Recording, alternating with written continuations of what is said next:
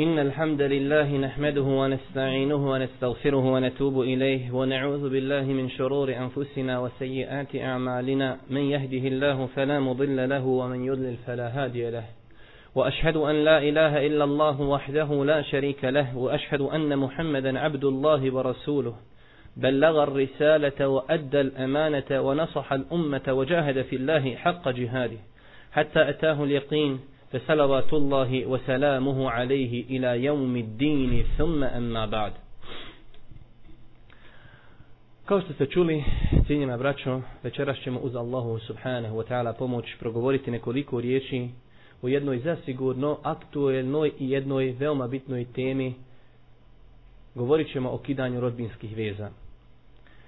Kao što znate, u prošlom predavanju govorili smo o jednom velikom grijehu i kazali smo da je to jedan od najvećih velikih grijeha. Govorili smo o kamati.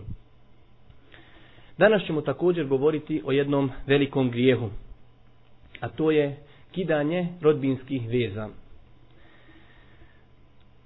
Ako bi, braću moja draga, napravili jednu komparaciju između vremena u kojem mi živimo i prijašnjih vremena, vidjeli bi da se ovaj zeman i ovo vrijeme razlikuje u mnogo čega od prijašnjih vremena. Pa jedna od stvari u kojima se razlikuje ovo vrijeme od prijašnjih vremena jeste i to da je u skoroj historiji narod mnogo više pažnje posvećivao obilasku rodbine i čuvanju rodbinskih veza. Dok u ovom vremenu vidjet ćemo da su ljudi i tekako zapostavili rodbinske veze i čuvanje rodbinskih veza.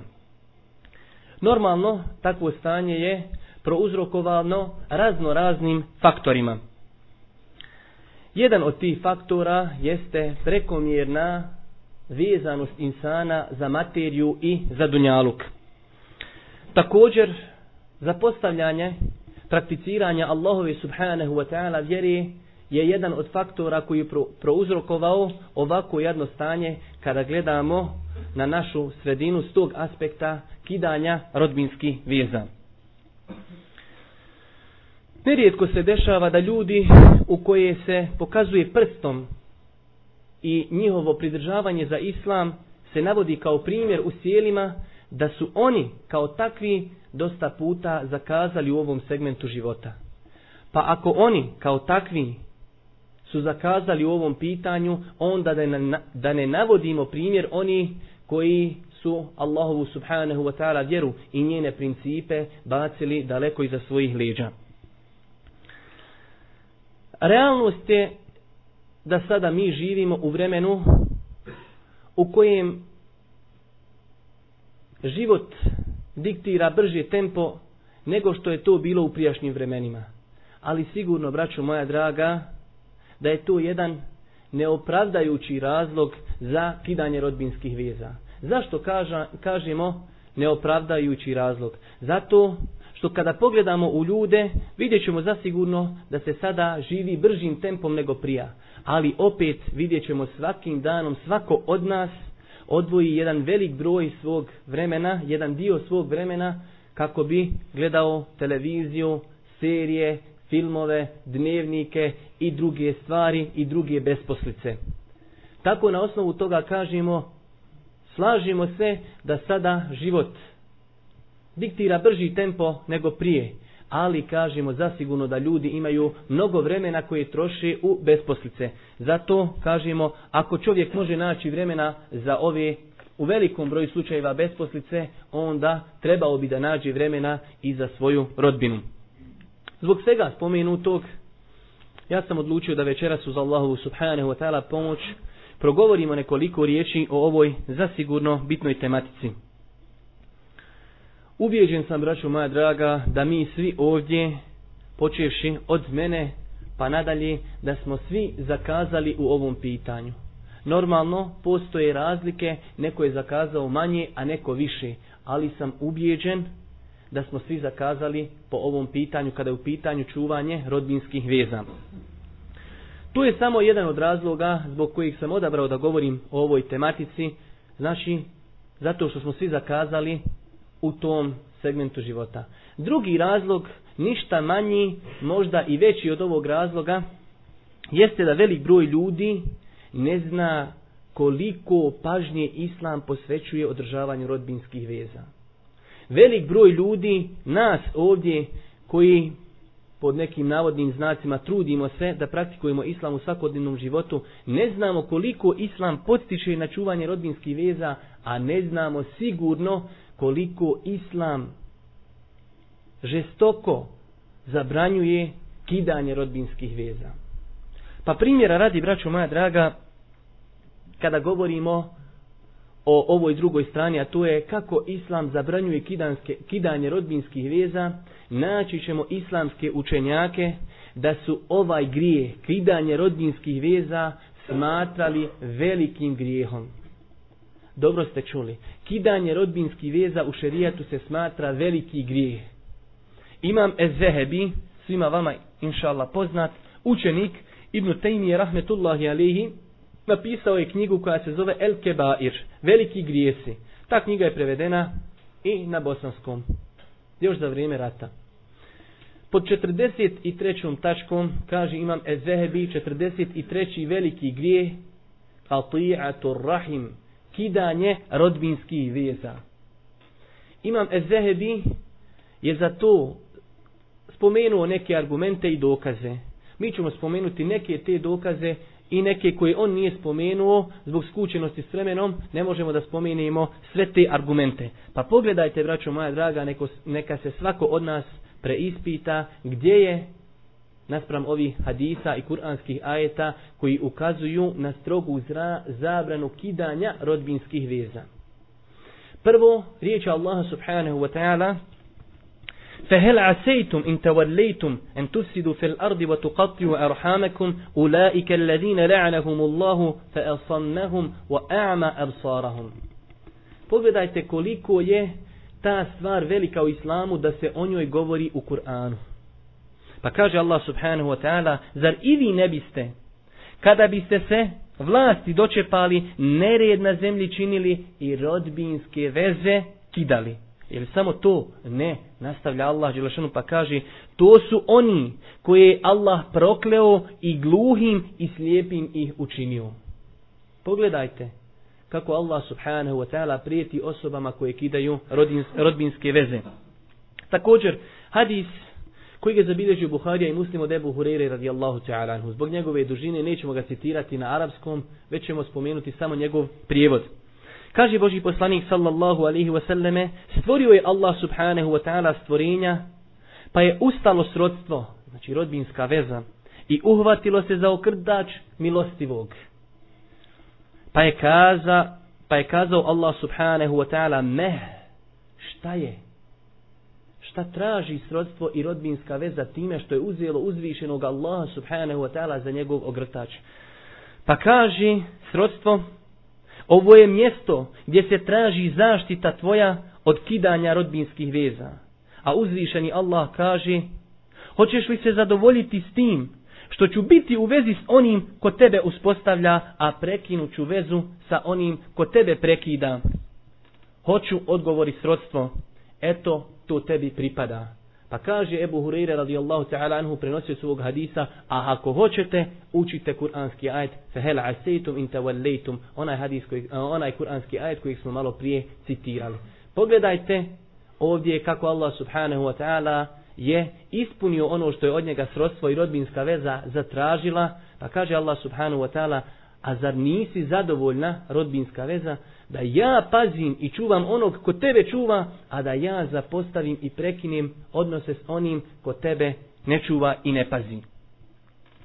Ovo bi bilo dovoljno, braćo moja draga, čovjeku mu'minu koji vjeruje Allah subhanahu wa ta'ala i sudnji dan, da mu se dokaže da je kidanje rodbinskih veza veliki grijeh. Ali, pojasnit ćemo to još nekim argumentima. Hadis koji je zabilježio imam Et-Tirmizi, Ebu Davud i Ibnu Mađe, a hadis njegovu vjerodostojnost je potvrdio ših Albani rahmetullahi alihi od Ebu Bekreta radijallahu ta'ala da je kazao Allahu poslanik Ma min zenbin ajdaru en juadžil Allahu ta'ala li sahibihi l'uqubeta fi dunja ma ma ما lehu fil ahira min al البغي wa qati'ati rahim kaže Allahu poslanik sallallahu عليه wasallame nema grijeha da je preći da Allah njegovom počiniocu ubrza kaznu na dunjaluku sa onim što ga čeka na ahiretu od nepravde, nasilja i kidanja rodbinskih veza. Hadis je vjerodostojan. Nema grijeha, kaže Allahu poslanik, ne postoji grijeh da je preći da Allah počinioca tog grijeha još na dunjaluku kazni, a čeka ga i na ahiretu kazna za to od ova dva grijeha. El bagri nepravda, nasilje i qati'atu rahim, kidanje rodbinskih veza. Također, hadis koji je zabilježio imam muslim od Aisha radijallahu ta'ala anha, kaže Aisha radijallahu ta'ala na rekao je Boži poslanik sallallahu alihi wasallame, srodstvo ili rodbinska veza je okačena za arš i govori, o gospodaru, kome uspostavi, ko bude čuvao rodbinsku vezu, Allah će ga čuvati ako bude kidao rodbinsku vezu, Allah će ga znači odbaciti i prekinut će veze sa njim. A ima drugi rivajet ovog hadisa da je kazao Allahu poslanik da su ovo riječi Allaha subhanahu wa ta'ala, da Allah subhanahu wa ta'ala govori men wasaleha wasaltuhu wa men qata'aha qata'tuhu ko bude čuvao rodbinsku vezu ja ću njega čuvati, a ko bude prekidao rodbinsku vezu ja ću ga pustiti i zapostaviti. Sve su ovo, braćo, moja draga, vjerodostojni hadisi i na kraju hadis u Buhari i muslimu od Džubeira ibn Mut'ima da je Boži poslanik sallallahu alaihi wasallam kazao La jeduhulu l'đennete qati' Neće ući u džennet onaj ko kida rodbinske veze. Hadis u Buhari i muslimu. La jedhulu el džennete qati' Neće ući u džennet onaj ko kida rodbinske veze. Mislim da je dovoljno argumenata koji ukazuju na opasnost ovog grijeha i mislim da smo svi shvatili zašto su islamski učenjaci kidanje rodbinskih veza svrstali u velike grijehe. Normalno, braću moja draga, s druge strane, Islam ne samo da zabranjuje kidanje rodbinskih veza, već u mnogo argumenata ćemo naći da Islam kao potpuna i savršena vjera podstiče na obilazak i pažnju rodbinskih veza. Sada ćemo spomenuti ukratko dva ili tri argumenta koji ukazuju na to, a još neke ćemo argumente ako Bog da u toku našeg izlaganja spomenuti. Poznato je da Boži poslanik sallallahu alaihi wasallam, obilazak rodbine i čuvanje rodbinskih veza učinio je kao znak ispravnog imana kod jednog insana. Pa kaže, men kane ju'minu billahi wal jeumil ahir, فَلْيَصِلَ rahinehu Ko vjeruje u Allaha i sudnji dan, neka obilazi i čuva rodbinu. Šta znači? Ko vjeruje u Allaha subhanahu wa ta'ala i sudnji dan, plod njegovog vjerovanja, ako je iskren u tome, trebao bi da bude čuvanje rodbinskih veza. Također poslušajte hadis koji je zabilježio imam et taberanić od Ebu Bekrata radijallahu ta'ala anhu a ovaj hadis njegovu vjerodostojnost je potvrdio e, šeh Albani rahmetullahi alihi. Hadis u svom prvom dijelu se ne razlikuje mnogo od onog jednog hadisa koji su malo prije spomenuli, ali vidjet ćete njegov zadnji dio se razlikuje od tog hadisa. Pa kaže Allahu poslanik sallallahu alaihi wa sallame Ma min zembin eđderu en juađila Allahu li sahibihi l'ukubeta fi dunja ma ma yudakhiru lehu fil ahirati min qati'ati rahimi wal hijaneti wal kezib. وإن أعجل الطاعة ثوابا لصلة الرحم حتى إن أهل البيت ليكونوا فجرا فتنمو أموالهم وتكثر عددهم إذا تواصلوا Kaže Boži poslanik sallallahu alaihi wasallame, nema grijeha da je preći da Allah njegovom počinjucu ubrza kaznu na Donjaluku sa onim što ga čeka na ahiratu od kidanja rodbinskih veza, prevare i laži. U ovom znači rivajetu stoji predaja i laž. Ali poslušajte nastavak hadisa. Pa kaže Allahu poslanik, a najbrža nagrada za činjenje nekog ibadeta je za krodbini. Ko što Allah subhanahu wa ta'ala prijeti da je najpreći da se kazni onaj koji prekida rodbinske veze s druge strane, kaže Allahu poslanik sallallahu alihi wa sallame, najbrže zašto možeš dobiti sevap za činjenje nekog ibadeta jeste za obilazak rodbini.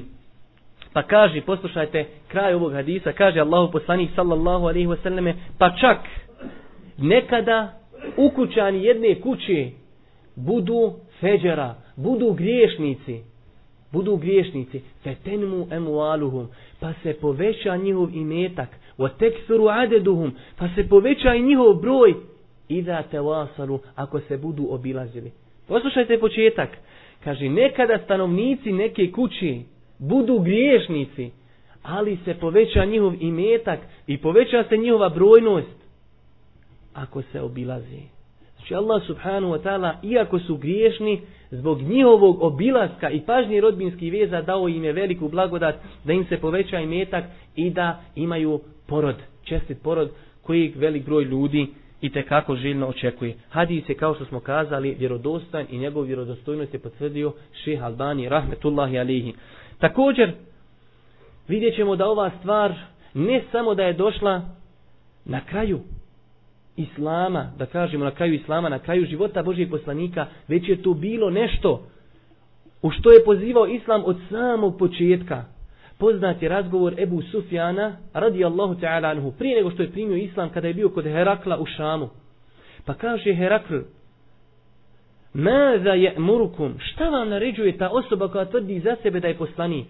Pa kaže Ebu Sufjan, je muruna bi salati, wa sadaqati, wal afafi, wa silati. Naređuje nam da obavljamo namaz, da dajemo sadaku, da budemo kreposni, čestiti, čedni, i da obilazimo rodbinske, da čuvamo rodbinske veze i da obilazimo rodbinu. Hadis je u Buhari muslimu. Svi ovi hadisi nedvosmisleno ukazuju na vrijednost čuvanja rodbinske veze.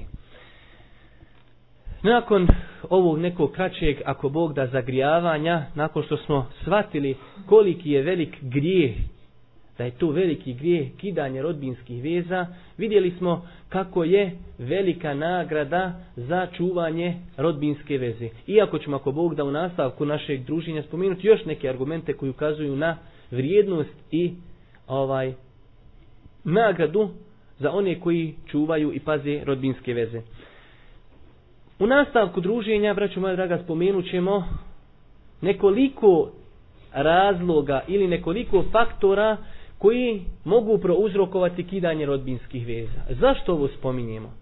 Zato, vraću moja draga, što smo rezimirali da svi mi smo zakazali po tom pitanju. I svi smo se jednoglasno složili da je to tako. Sada ćemo spomenuti neke faktore koji mogu prouzrokovati kidanje rodbinskih veza, a cilj toga je da se svako od nas preispita i da vidi da li ima pri sebi ono što ćemo spomenuti. Ako nema dne, fala Allahu. Ako ima dne, onda treba da pokuša da to briši iz svog svakodnevnog života. Prvi faktor koji dosta puta uzrokuje, uzrokuje kidanje rodbinskih veza jeste neznanje. Šta znači neznanje? Da čovjek ne zna, braćo moja draga, vrijednost obilaska rodbine. Da ne zna koliki je grije kidanje rodbinskih veza. To je ono što cijelo vrijeme spominjemo. Mi koji smatramo se da smo od onih koji se trude da praktikuju Allahu subhanahu wa ta'ala vjeru, dosta onih argumenta koje smo sada spomenuli nismo znali. Neznanje. Neznanje, braćo moja draga, ne da samo šteti u ovoj stvari, već općenito neznanje nije pohvalno ni u bilo kojoj drugoj stvari. Zato kaže Musa alihi salatu wasalam, u jednom kuranskom ajetu Kale, e'udhu billahi en akune minal jahilin utječim se Allahu da budem neznalica. Musa alihi salatu wasalam, poslanik. Objava mu se objavljuje od uzvišenog Allaha subhanahu wa ta'ala, ali opet se utječe Allahu subhanahu wa ta'ala od ove bolesti da bude od neznalica. Ovih razloga vidjet ćete ili faktora je mnogo, zato nećemo imati vremena da ih opširno spominjemo, spominjat ćemo ih samo onako naslov i rečenicu dvije komentara. Drugi faktor koji može biti razlogom kidanja rodbinske veze zasigurno prisutan kod većine nas jeste, vraću moja draga, slabost imana i nepostojanje takvaluka i bogobojaznosti. Jer kako čovjek može, nakon što čuje onakve hadise, koji zabranjuju kidanje rodbinske veze i tako postiču na čuvanje rodbinske veze da to ne praktikuje. Može samo u jednom slučaju, a to je ako je njegov iman toliko slab da njega ne interesuje rađenje dobrih dijela, niti ga interesuje ostavljanje grijeha. Treći faktor koji može prouzrokovati kidanje rodbinskih veza jeste, vraću moja draga, oholost. Naći ćemo ponekad ljude da ne žele da obilazi rodbinu, oni smatraju da su oni najpreći da se njima dolazi. A to ne smatraju osim zato što pri sebi imaju to svojstvo oholosti. Znači ponavljamo, ne mora znači da čovjek pri sebi ima sva ova svojstva. Ali ako neko svojstvo pri sebi primijeti, treba da ga pokuša otklonuti. ako ne primijeti, hvala Allahu subhanahu wa ta'ala. Četvrti faktor koji može prouzrokovati kidanje rodbinskih veza jeste da čovjek duže vremena ne obiđe rodbinu. I samim tim, taj dugi period kada ne obilazi rodbinu, biva razlogom da čovjek počinje da osjeća da slabe njegove veze sa rodbinom. Jednostavno kako vrijeme prolazi, njegov osjećaj za vezanošću sa rodbinom slabi. I što više odgađa, ta veza sve više, sve više slabiji. Do te mjeri da to može dovesti, braćo moja draga, nerijetko da čovjek zapostavi totalno, znači da nikako ne obilazi određenu rodbinu. Znači to može također biti jedan faktor. Također, s druge strane, znači kada čovjek ode kod nekog, jedan od faktora jeste da čovjek upućuje kritiku onima koji su mu došli nakon dugog vremena. Čovjek nije obilazio rodbinu na godinu, dvije, tri i nakon tog perioda ode kod njih. I prvo što dočekaju, prvo kako ga dočekaju jeste kritika. Gdje si, kamo te, što te nema, jesi li nas zaboravio? Također to može biti razlog da čovjek kaže, a eto, ja nakon tri godine uložio trud, vrijeme, novac i sada me kritikujete. Znači, to može biti razlog, braćo moja draga. Također, jedan veoma bitan razlog, nažalost, i tekako zastupljen kod velikog broja muslimana, a to je prekomjerno pripremanje za posjetu. Dosta puta ćemo naći da ljudi odgađaju posjetu rodbini iz kojeg razloga? Želi da se pripremi. Želi da se pripremi za taj zijaret i za tu posjetu. Pa se dešava, čovjek se oženio, pa mu čovjek nakon tri godine ide na slatku. Čovjeku umro neko u rodbini, nakon dvije, tri godine mu se ide nažalost. Zašto? Treba da se kupe neki odgovarajući pokloni.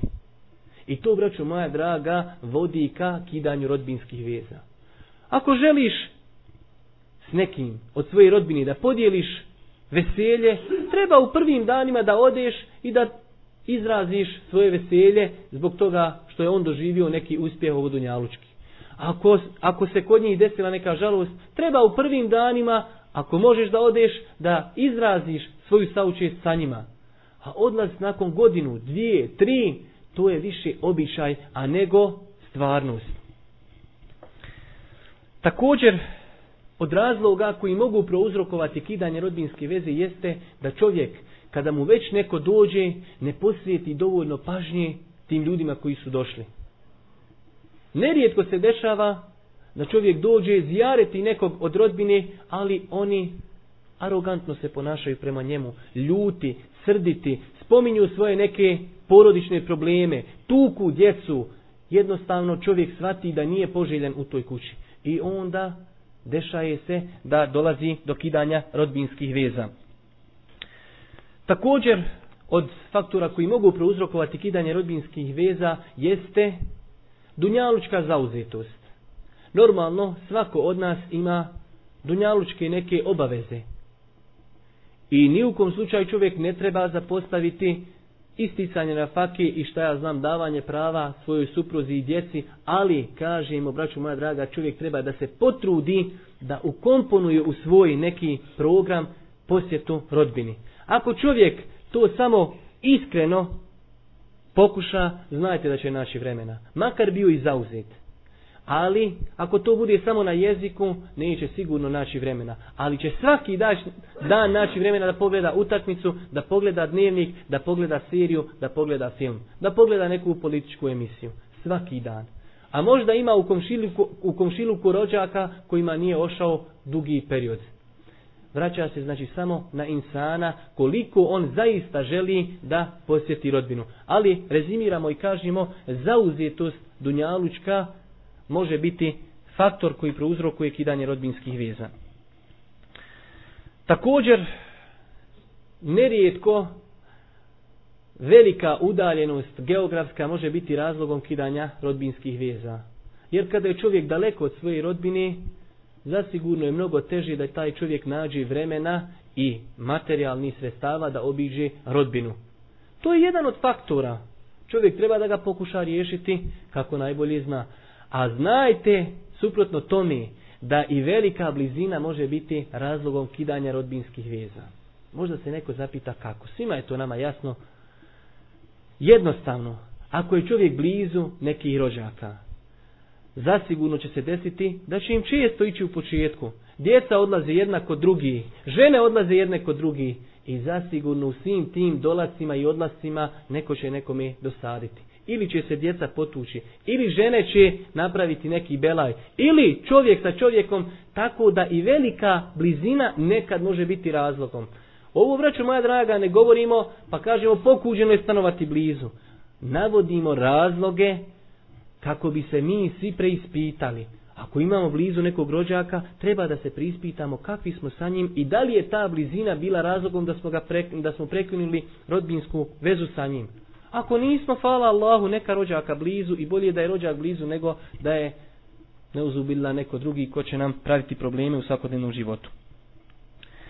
Također, jedan od razloga ili jedan od faktora koji može biti razlogom kidanja rodbinske veze jeste da čovjek zaboravi nekog od svojih rođaka pozvati na neku gozbu ili svadbu koju on organizuje. Desi se čovjek organiz, na primjer, ženi sina ili nešto slično tome i zaboravi nekog koga nije smio zaboraviti pozvat.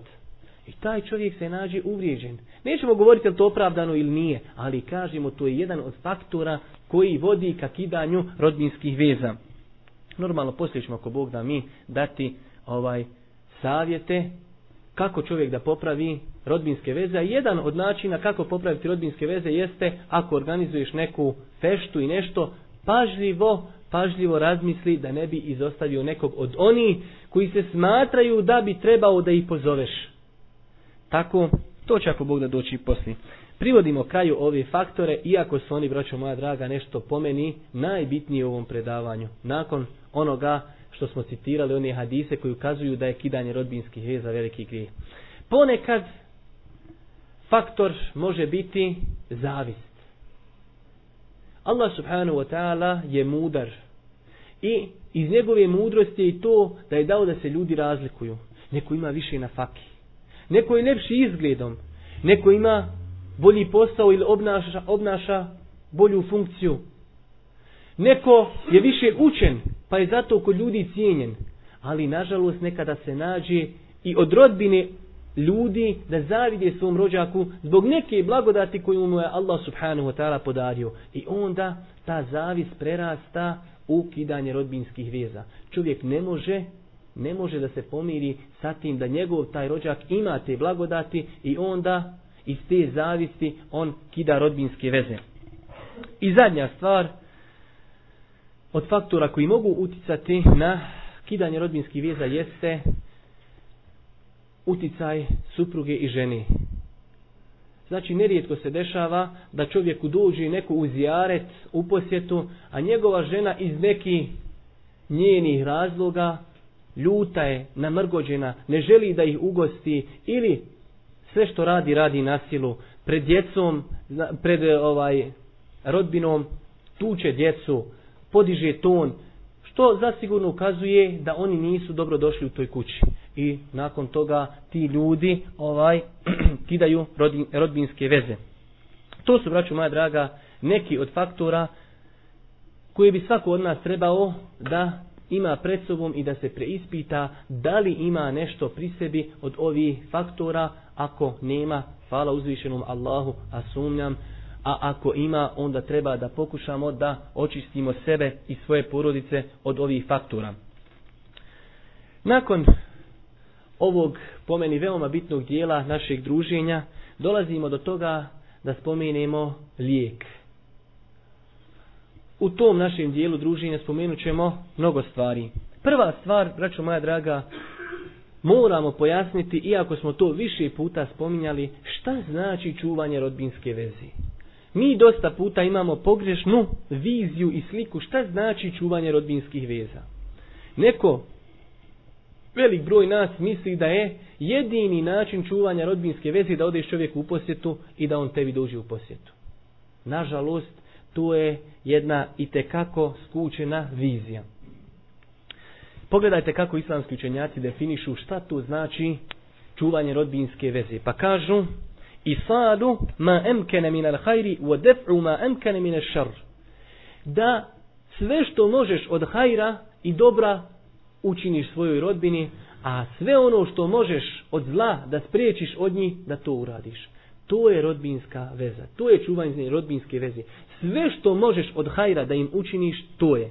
A sve što možeš od zla da zabraniš, da njih to zadesi, to je čuvanje rodbinskih veza. Pa kada to znamo, onda ćemo vidjeti da pod tu definiciju potpada mnogo stvari, ja ću samo nako nabrojati neke stvari. Pa to obuhvata da čovjek obilazi rodbinu i da ih posjećuje. Da se čovjek interesuje o stanju svoje rodbine, o razno raznim njihovim stanjima, duhovnom, vjerskom, materijalnom, zdravstvenom, da se čovjek raspituje. Ako si vidio komšiju nekog svog rođaka tamo u nekom lijevom selu kažeš kako je moj rođak, kako živi, je li gladan, kako zdravlje njegovo, kako moj supruga, kako djeca. To je, braćo moja draga, jedan vid, jedan vid čuvanja rodbinskih veza. Da čovjek poštuje svoju rodbinu, da im udjeljuje ako su potrebni. Također da čovjek pozove svoju rodbinu da mu dođu u zijaret. To je vid čuvanja rodbinskih veza. To je nešto što smo mi zaborali u velikom broju slučajeva. Mi ne samo da ne idemo svojoj rodbini, mi čak i njih ne zovemo. Ako ne možeš otići, zauzeti si, je li ti teško nazvat pa kazat, Bujrum, dođite vi kod mene, ja sam stvarno zauzet, ali Bujrum, dođite vi kod mene. To je, braću moja draga, također vid čuvanja rodbinske vezi. Također, da kada dođu čovjeku, da ih lijepo prihvati, da ih ugosti shodno njegovim mogućnostima. Također da čovjek učestvuje u njihovim veseljima. Ako znaš da neko od rodbine će imati neku gozbu i nešto što je u skladu sa šerijatom normalno, da pokušaš da se odazoveš na takve gozbe i da učestvuješ sve kako bi ojačao rodbinske veze. Također, ako se desi da Allah subhanahu wa ta'ala nekog od rodbine iskuša nekim musibetom, da izraziš svoju saučist. Da ako ne možeš posjetiti, da nazoveš telefonom, da se javiš, jednostavno da ti ljudi shvate da si ti dio zajednici, Također, ako primijetiš da imaju neki propusta šerijatski, da im na lijep islamski način ukažeš na te propuste. Ako ima neko od rodbine da je bolestan, da ga posjetiš. Ako možeš da mu neki poklon udjeliš, također je lijepo. Veoma jedna bitna stvar, a to je da čovjek izbjegava rasprave sa rodbinom. Nerijetko se dešava čovjek nije otišao nekom od rodbini godinu, dvije, tri i prvi put nakon što mu odi, odmah se zakači zašto nosiš bradu, zašto je žena pokrivena, zašto ne gledaš televiziju, zašto ne slušaš muziku, zašto si zavrnuo nogavice, zašto ovu, zašto onu. Čovjek treba maksimalno da izbjegava raspravu da izbjega i rasprava, braću moja draga. Maksimalno. Jer koliko god čovjek želio da tim ljudima servira te stvari na lijep način, znajte da će ta rasprava produbiti jaz između njih. Zato treba, ovo nije ni u kom slučaju poziv da se ne pojašnjava ljudima vjera. Treba ljudima pojašnjavati vjeru, ali na lijep način, bez raspravi. I jedna stvar također koja je zasigurno veoma zapostavljena kod svih nas, kada su u pitanju ovi načini kako posjećivati rodbinu i kako čuvati rodbinske veze, braću moja draga, čuvanje rodbinskih veza nakon smrti. To je zasigurno kod nas mnogo zapostavljeno. Rodbinska veza se može čuvati nakon smrti. Imao si rođaka s kojim si se pazi u životu pa je preselio. Kako čuvati rodbinsku vezu nakon njegove smrti? Da uputiš dovu Allahu subhanahu wa ta'ala da mu oprosti grijehe. Da mu podari džennet. Da udjeliš sadaku na njegovo ime. Da ako si u mogućnosti da platiš, da se obavi za njega hađ. Da obilaziš njegove poznanike i da obilaziš njegovu rodbinu, njegovu djecu. Sve to, braću moja draga, vid čuvanja rodbinske veze sa ljudima koji su preselili. A zasigurno je to kod nas svi i tekako zapostavljeno. Također ovdje treba spomenuti jednu veoma bitnu stvar, mi smo je spominjali neki dan, ali ćemo je spomenuti opet zbog veće koristi, a to je pogrešna vizija šta je to čuvanje rodbinske veze. Mi dosta puta mislimo da je čuvanje rodbinske veze da odeš onome ko ti je došao. A onaj ko nije došao, kako ono kaže u nas narod, ko mi dođi, taj mi zove sebi. Ta poslovica ima mjesta, ali gledajući saspekta šerijata, ta poslovica nema velikog mjesta. Zašto? Zato što šerijat Hadisi Božih poslanika sallallahu alaihi wasallam ukazuju na to da nije čuvanje rodbinske veze da odeš onome ko ti je došao. Jer kaže Božji poslanik sallallahu alaihi wasallam u hadisku koji ga zabilježi imam et-Tirmizi, a njegov vjerodostojnost je potvrdio šeha Albani rahmetullahi alaihi od Abdullaha ibn Amra radijallahu ta'ala anhu. Lejse l bil kafi, walakin al-wasilu alladhi iza inqata'at rahimuhu wasalaha. Nije čuvanje rodbinske veze da obiđeš ono ko te obilazi. To je uzvraćanje, braćo moja To je uzvraćanje. Kaže Boži poslanik, obilazak rodbine je da obiđeš one koji tebe ne obilazi. To je čuvanje rodbinskih veza. Kada ti ne dolaze, da ti odeš njima. A kada ti dolaze, pa samim tim ti si dužan da im odeš po tim nekim dunjalučkim bontonima, sramota je čovjek ti došao da ti njemu ne odeš. Ali čuvanje rodbinske veze i braćo moja draga da odiš onome ko tebi ne dolazi.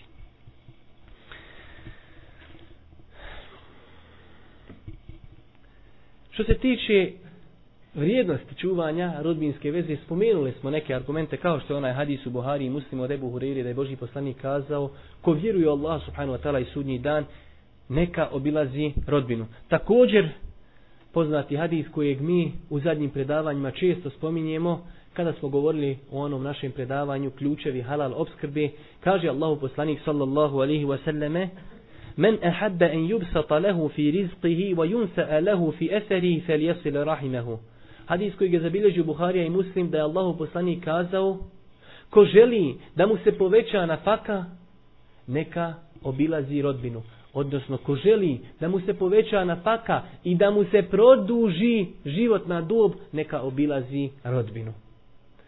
Ko želi da mu se poveća napaka i ko želi da mu se produži životna dob, neka obilazi rodbinu. Normalno ovdje dolazi zasigurno do jedne nejasnoći, a to je kako se čovjeku može produžiti životna dob kad je čovjeku onog momenta kada je bio u materici u stomaku svoje majke određeno dokada će živjeti. Šeol Islam ibn Taymi, rahmetullahi alihi odgovara na tu nejasnoću pa kaže postoje dvije vrste odredbi. Postoji odredba koju zna samo Allah subhanahu wa ta'ala i to je ono što piše u levhi mahfuzu. Knjizi u kojoj su zapisane sudbine ljudi i sve što će se desiti od postanka svijeta do sudnjeg dana tu se ništa ne mijenja. I desit će se onako kako je zapisano. A ima druga vrsta odredbe to je ona godišnja odredba. I to je uvjetna odredba. Gdje se može desiti kao što kaže šehul Islam ibn Taymiye rahmetullahi da kaže Allah subhanahu wa ta'ala propiše nekom robu. Ako moj rob bude čuvao rodbinske veze živjeće, primjera radi 60 godina. A ako ne bude čuvao živjeće 50 godina. Šta god da taj čovjek izabere, ako izabere da će obilaziti rodbinu pa će živjeti 60 godina, Allah je znao da će izabrati 60 godina, pa je zapisano u Leuhi Mahfuzu da će živjeti 60 godina. A ako izabere 50, izabere da ne obilazi, pa živi 50 godina, to je Allah znao da će izabrati tu opciju i zapisano u Leuhi Mahfuzu da će živjeti 50 godina. Znači nema nikakve kontradiktornosti.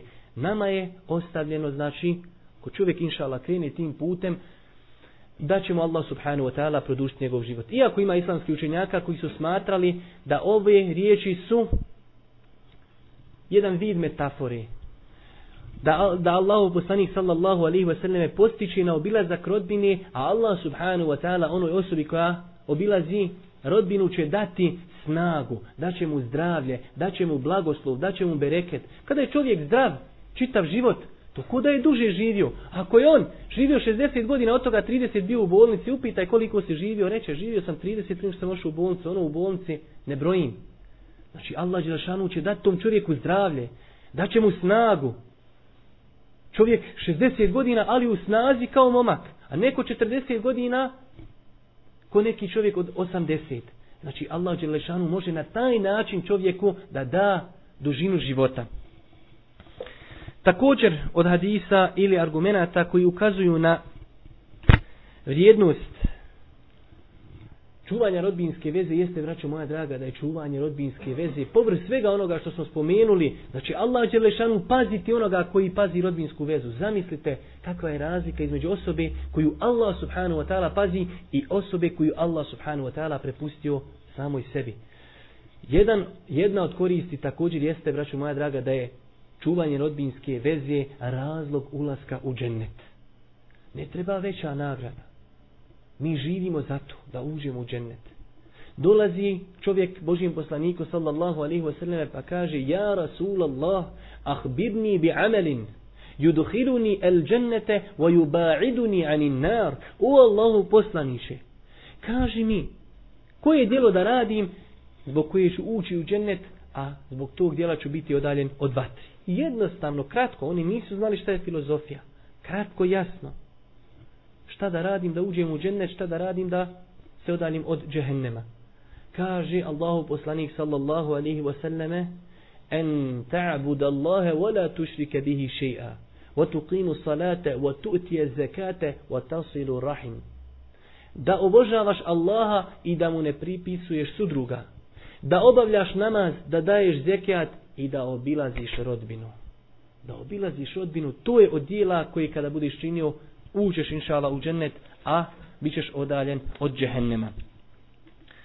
Također, braćo moja draga, treba da znamo da je u čuvanju rodbinskih veza pokurnost Allahu subhanahu wa ta'ala ispunjavanje onoga što on od nas subhanahu wa ta'ala traži. Pa kaže Allah subhanahu wa ta'ala u suri Ar-Ra'd 21. ajet وَالَّذِينَ يصلون مَا أَمَرَ اللَّهُ بِهِ أن يُوصَلْ وَيَخْشَوْنَ رَبَّهُمْ وَيَخَافُونَ سُوءَ الْحِسَابِ oni koji održavaju ono što je Allah naredio da se održaje i gospodara svoga se boje i obračuna mučnog plaši.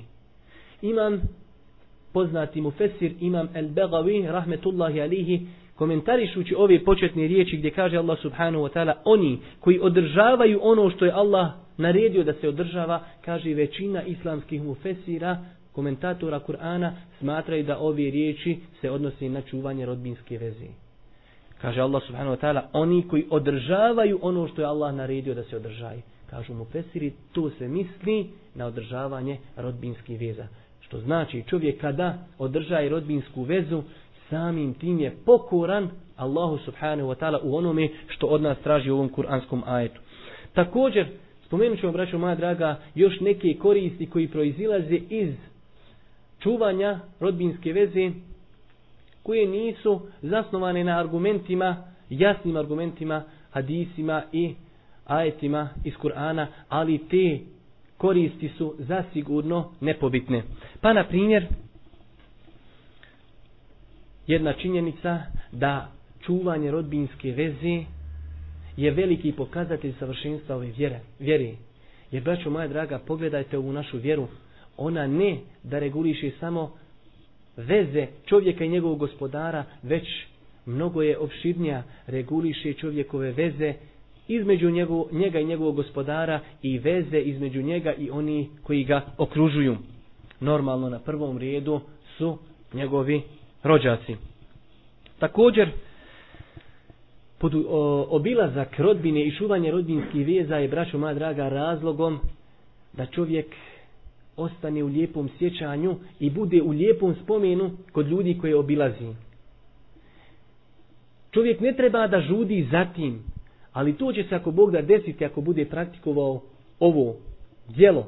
A samim tim će dobiti mnoge koristi. Jedna od najvećih koristi jeste da će pridobiti ljubav tih svojih rođaka i sutra ako i primijeti kod njih nešto što je u koliziji sa islamom, imat će priliku da im ukaže na to.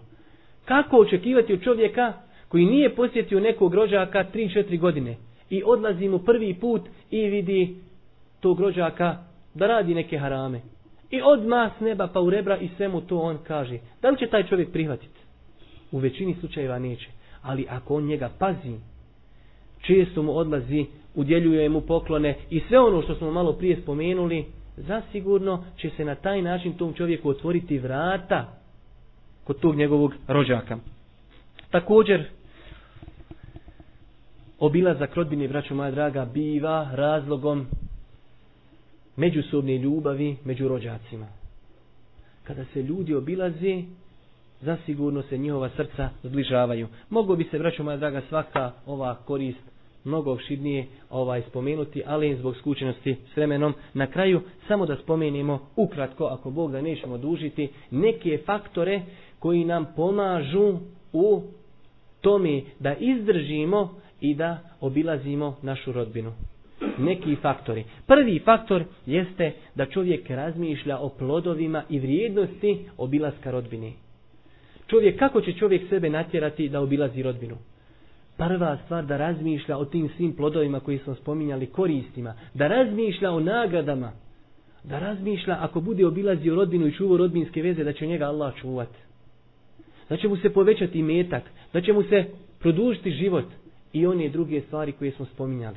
Sama činjenica da je tim dijelom on pokoran Allahu subhanahu wa ta'ala to dovoljno ukazuje. Također, o stvari koji će čovjeka postaći na obilazak rodbine jeste da razmišlja o čemu?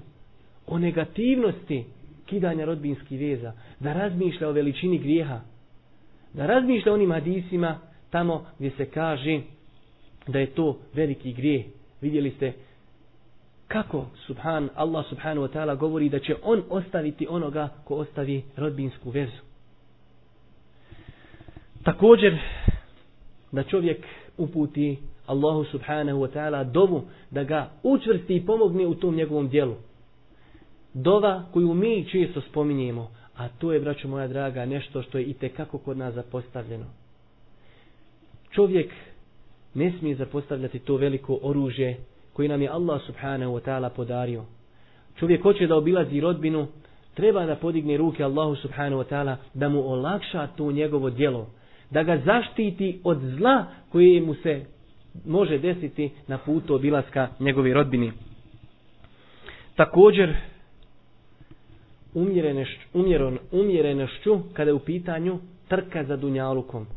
Normalno, braću moja draga, čovjek treba da radi, da se trudi, da ide za nafakom, ali kažemo umjerenost u kojem smislu da ipak ta njegova trka za dunjalukom i za nafakom ne bude toliko velika da nema vremena za obilazak rodbini, već da ukalkuliše obilazak rodbini u svoj taj neki životni program.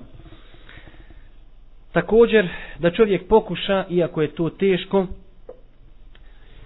da ako ga zadesi neka nedaća u smislu neko loše djelo od njegovih rođaka, da pokuša da to zaboravi. Da pokuša da uzvrati svojim rođacima na njihovo zlo da uzvrati dobrom. Po onom sistemu, ko tebe kamenom, ti njega kruhom. Braćo moja draga, ja znam da je to više teorija nego praksa, ali naše je da postičemo jedni drugi i da se potpomažemo.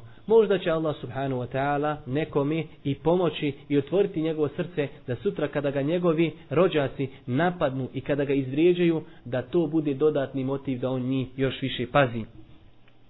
Također ne treba čovjek čekati da ako ga neko od rođaka uvrijedi da traži halala.